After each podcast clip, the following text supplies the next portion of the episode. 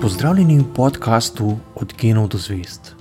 Moje ime je Sašo Dolenc in pripovedoval vam bom zanimive zgodbe iz sveta znanosti.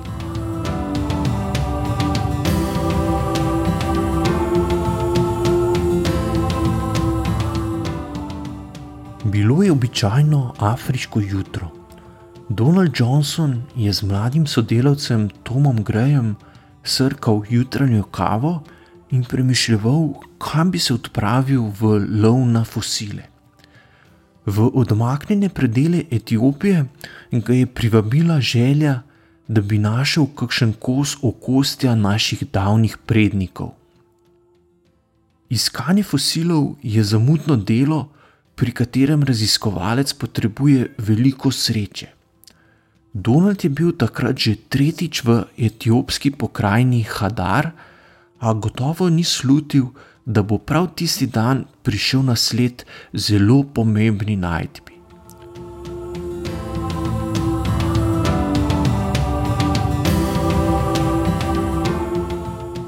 Za to področje Etiopije je značilno, da fosili ležijo kar na površini zemlje. Hadar je namreč središče puščave Afar, kjer je bilo nekoč jezero, v katerem so se nabirale najrazličnejše usedline. Te so zdaj, ko se je jezero izsušilo, prišle na površje in pričajo o dogajanju v teh krajih pred več milijoni let.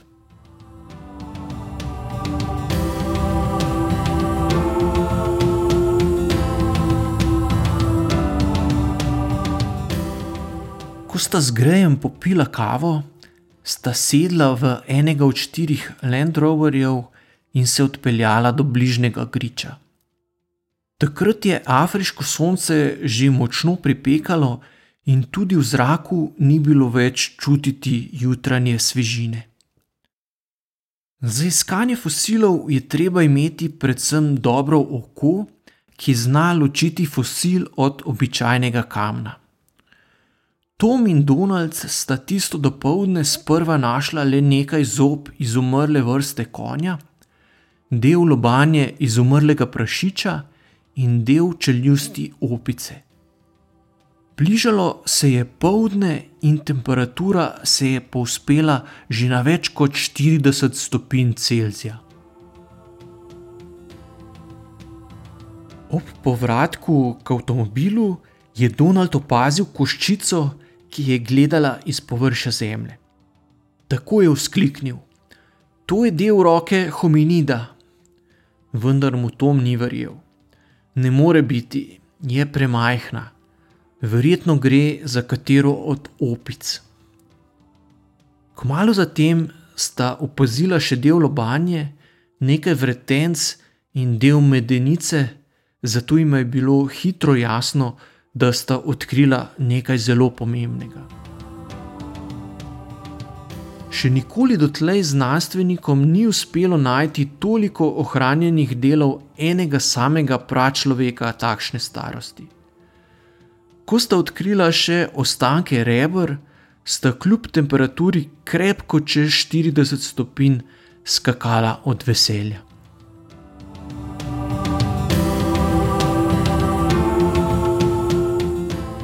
Najdišče sta skrbno označila in se odpravila nazaj v tabor po okrepitvi. Tom je bil tako navdušen, da je že pred taborom začel trobiti in kričati skozi okno. V kratkem so bili vsi člani odprave ob ostankih okostja, ki sta ga le nekaj ur prej našla Donald in Tom. Naslednje tri tedne so pazljivo prekopavali delček za delčkom okolice in iskali čim več ostankov, iz katerih bi lahko sestavili okostje.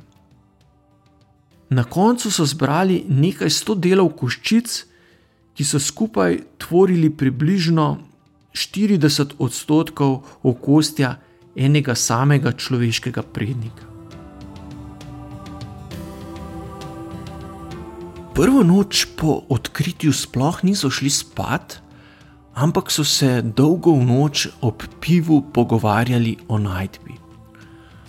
Majhen tranzistor je na vso moč predvajal kaseto, na kateri se je večkrat ponovila pesem skupine The Beatles Lucy in the Sky with Diamonds.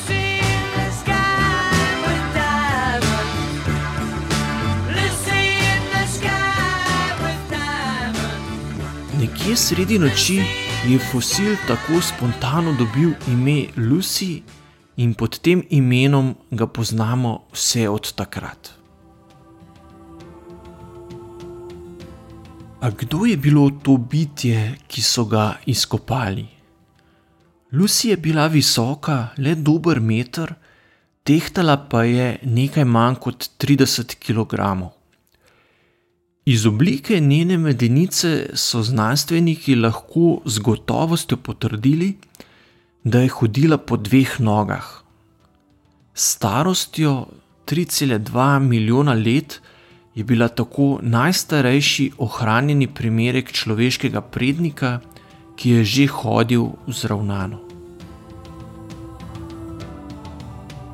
Do odkritja ostankov Lucy so bili znanstveniki prepričani, da so se naši davni predniki odločili za hojo po dveh nogah, ker so postali pametnejši in tako ugotovili, da je sprostitev rok koristna domislica. Z rokami so lahko tudi med hojo počeli uporabne reči, česar opice ne morejo. Lucy je to teorijo ovrgla, se je hodila po dveh nogah, hkrati pa njena glava ni bila dosti večja od šimpanzije. Kot se kaže, so naši predniki začeli hoditi vzravnano prej, preden so razvili velike možgane in ugotovili, da je bila to dobra ideja. Primerjava porabe energije za hojo med šimpanzi in ljudmi je pokazala, da porabimo ljudje z vzravnano hojo za isto opravilo štirikrat manj energije kot šimpanzi. To je bila gotovo pomembna pridobitev, ki je med drugim omogočila, da so lahko naši možgani postali večji porabniki energije. Ljudje porabimo namreč zelo veliko energije, tudi če smo pri miru in zgolj mislimo. Približno petino vse energije porabi naše telo le za pogon možganov, kar je v primerjavi z drugimi živalskimi vrstami zelo veliko. Za servisiranje možganov z energijo potrebujemo ljudje primerno hrano, ki je po možnosti skuhana ali spečena, da jo lažje prebavimo in tako usrkamo več hranljivih snovi, kot bi jih, če bi jo zaužili surovo.